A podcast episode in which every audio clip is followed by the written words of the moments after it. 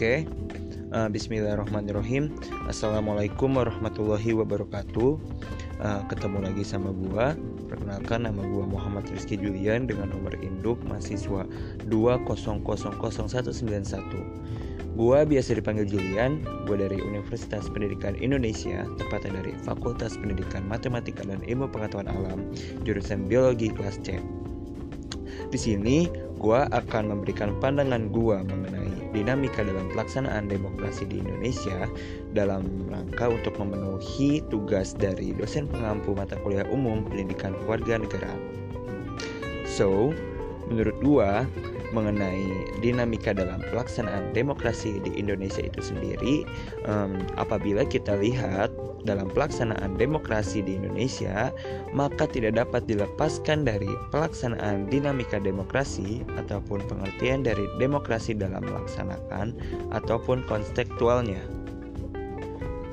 Mengenai pengertian demokrasi itu sendiri merupakan sebuah sistem pemerintah di mana yang diselenggarakan dari rakyat, oleh rakyat, dan untuk rakyat serta maupun dari sistem sosial dan politik dari pemerintahan dengan kekuasaan pemerintah yang dibatasi mengenai hukum dan kebiasaan untuk melindungi hak perorangan warga negara Indonesia.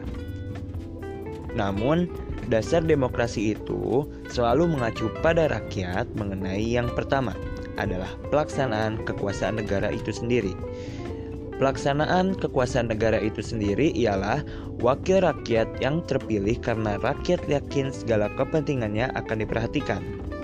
Yang kedua adalah mengenai cara melaksanakan kekuasaan. Mengenai cara melaksanakan kekuasaan negara dengan senantiasa mengingat yaitu kehendak rakyat dan memenuhi kehendak rakyat. Dan yang terakhir adalah batas kekuasaan negara demokrasi itu ditentukan dengan sebanyak mungkin memperoleh hasil yang diinginkan oleh rakyat asal tidak menyimpang dari dasar demokrasi. Sedangkan dalam penerapan di negara kesatuan Republik Indonesia, demokrasi itu sendiri dapat dipandang sebagai suatu mekanisme medan cita-cita hidup berkelompok yang ada di dalam Undang-Undang Dasar 45 yang disebut kerakyatan.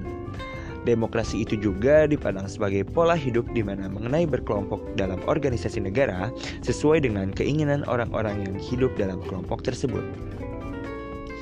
Sebenarnya, keinginan orang-orang itu ada dalam kelompok tersebut seperti biasanya ditentukan oleh pandangan hidupnya mengenai yang pertama adalah nilai-nilai falsafah Pancasila atau pemerintahan di mana oleh dan untuk rakyat berdasarkan dari sila-sila Pancasila yang berlaku. Yang kedua adalah transformasi atau perubahan nilai-nilai Pancasila pada bentuk dan sistem pemerintahan yang terakhir adalah konsekuensi dan komitmen terhadap nilai-nilai Pancasila yang mengenai Undang-Undang Dasar tahun 45. Mengenai demokrasi di Indonesia, yang pernah diterapkan adalah mengenai yang pertama kali di Indonesia itu menganut sistem demokrasi parlementer yang biasanya disebut dengan demokrasi liberal.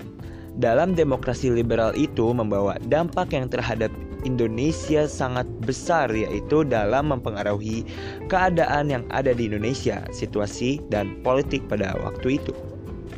Yang kedua, yang diterapkan adalah demokrasi terpimpin yaitu di mana di sini menganut seluruh keputusan serta mengenai pemikirannya hanya berpusat pada kepemimpinannya saja, yaitu dalam masalah dilihat dari segi keamanan, dari segi uh, perekonomian, dan dari segi politik.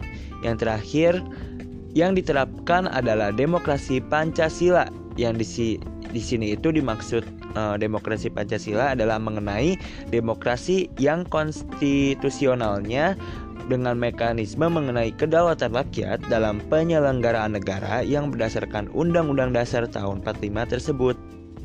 So, uh, segitu aja pandangan gua mengenai dinamika dalam pelaksanaan demokrasi di Indonesia. Kurang lebihnya mohon maaf. Sampai jumpa. Assalamualaikum warahmatullahi wabarakatuh.